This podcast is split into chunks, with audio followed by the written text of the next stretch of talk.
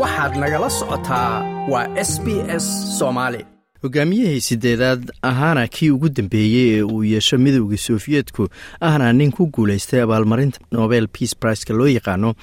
mikhael gorbajef ayaa geeriyooday. Waxaa adduunka oo dhan looga aaminsan yahay inuu ahaa shaqsigii ugu saameynta badnaa qarniga labaatanaad. Mikhael gorbajef ayaa isku dayay inuu badbaadiyo midowgii sofiyeetka oo sii burburayey laakiin wuxuu sameeyey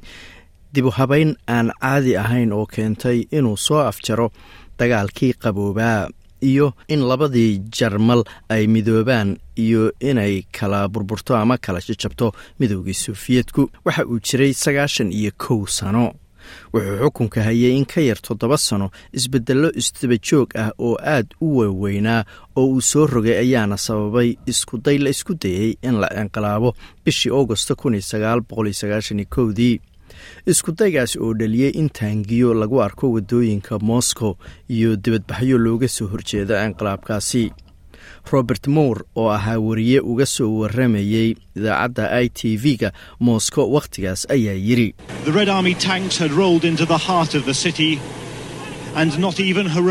taangiyada ciidanka sofiyeetka ee reed armiga loo yaqaano ayaa soo galay wadnaha magaalada. Shaqaale iyo dadkii suuqa wax ka gadanayay ayaa markiiba hareereeyey ciidanka. Ninka xukunka la wareegay waa madaxweyne ku-xigeenkii genadi yanayef oo ah nin lagu yaqaano inuu yahay nin mayal adag. Inqilaabkii ayaa socon waayey wuxuuna bilow u ahaa dhammaadkii midowgii sofiyeetka waxa dhaliyey iskudayga inqilaabka ayaa ahaa gorbajef oo doonayay waxa loo yaqaano ama bilaabay waxa loo yaqaano berestroika oo ahayd dibu habeyn looga dan leeyahay in isbeddel lagu sameeyo dhaqaalaha ruushka ama soviet unionka oo laga saaro hoosudhac ballaaran oo markaasi uu ku jiray.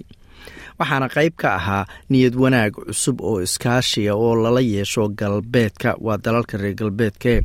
kadib tobannaan sano oo uu u dhexeeyey dagaalkii qaboobaa iyo in khatarta hubka nukliyeerka bini'aadanka oo dhan uu baabi'iyo ama gumaado. Kadib wadahadallo ku bilowday kala shaki wuxuu xiriir fiican la sameeyey madaxweynihii hore ee maraykanka ronald reagan iyo ra'iisul wasaaraddii dalka britain margaret higer waxay xasuusnayd markii ugu horreysay oo ay la kulantay hogaamiyihii sofiyeetka waa mikhael gorbajefe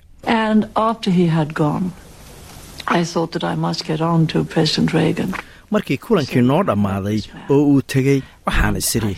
waa inaan la hadlo madaxweyne reegan oo ku dhaho ama u sheego ninkii waan la kulmay waana nin aad uga duwan madaxdii hore ee sofiyeetka waxaana maskaxdayda ku soo dhacday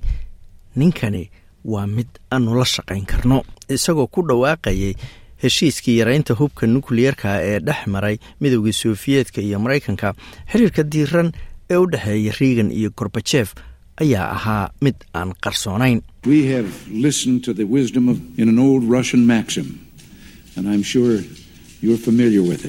Waxaan maqalnay oraa hore oo xigmad leh oo ruusha waana hubaa inaad taqaanid. Mudane xoog haye inkastoo sidan ugu dhawaaqaya ay kugu adkaan karto oraahdu waxay leedahay aamin laakiin iska hubi. Toddobadii ayuu madaxweyne reegan ku booriyey gorbajef inuu dumiyo derbigii kala barayey magaalada berliin oo u kala qaybsanayd bariga iyo galbeedka. Waxaa gorbajef la guddoonsiiyey abaalmarinta nabadda ee nobel peace briceka la yidhaahdo kii adduunka inteeda badanna waxaa looga arkaya ninkan inuu ahaa nin aragti dheer. Laakiin inkasta oo mikhael gorbajef dalka dibaddiisa aad looga jeclaa gudaha sofiyeetka lagama jeclayn iyadoo kacdoonno nabadeed oo waaweyn ay keeneen in dowladihii shuuciga ahaa ee garabka la ahaa sofiyet unionka ay soo afjarmeen oo dowladahaasi ay dhaceen. Waxaa sidoo kale aad u sii kordhayey rabitaanka jamhuuriyaddii ka mid ahaa midowda sofiyeetka inay iyaguna xorriyad helaan. Wuxuu xilka hayay ilaa dhammaadkii sannadkii dii isagoo jooga ayayna midowgii sofiyeetka uu burburay iyadoo dalal ay ka mid yihiin ukrain ay u codaysay inay ka xoroobaan midowda sofiyeetka wuxuu xilka ka degay desembar dii jill dorothy oo c nanta uga soo warrami jirtay moscow ayaa dhowr jeer waraysi ka qaaday master gorbajef waxayna sheegtay inuu ahaa nin aad u cajiib ah gorbajef waxay aniga ila tahay inuu uga duwanaa hogaamiyaashii hore ee sofiyeetka wuxuu ahaa qof hogaamiye ah. Wuxuu ahaa nin aad u furfuran markaan waraystay iyo markaan la kulmay xiriirka uu xaaskiisa la lahaa. Wuxuu ahaa qof si fudud dadka u soo dhoweeya oo furfuran kabasakow meesha taariikhda uu uga jira oo ah mid aad u weyn marka aad eegto midooda sofiyeetka iyo sida uu bedelayba xiriirka uu master gorbajef la lahaa madaxweynaha hadda jooga ee ruushka valadimir putin ayaa ah mid adag in la sharaxo maqaal lagu qoray joornaalka times magazine labadii kun iyo lix iyo tobankii ayuu gorbajef weerar afka ku qaaday go'aankii uu putin markii saddexaad ugu tartamayey jagada madaxweynenimada dalkaasi. Isagoo sidoo kale ku tilmaamay siyaasadda putin kuwa hortaagan horumarka. Kala aragti duwanaanta ayaan ku ekayn oo keliya gorbajef ee putin ayaa laftigiisu ku tilmaamay dhammaadkii midooda sofiyeetka masiibadii juqraafi siyaasadeedkii ugu weynayd qarnigan ee dhacda. Geeridiisa ayay madax badani ka tacsiyeeyeen. Xogayihii hore arrimaha dibadda maraykanka condolisa rice ayaa barteeda twitterka ku qortay in ninkan lagu xasuusan doono soo afjaridii dagaalkii qaboobaa xogayaha guud ee qaramada midoobey antonio guteres ayaa ku tilmaamay hogaamiye aad u sarreeya.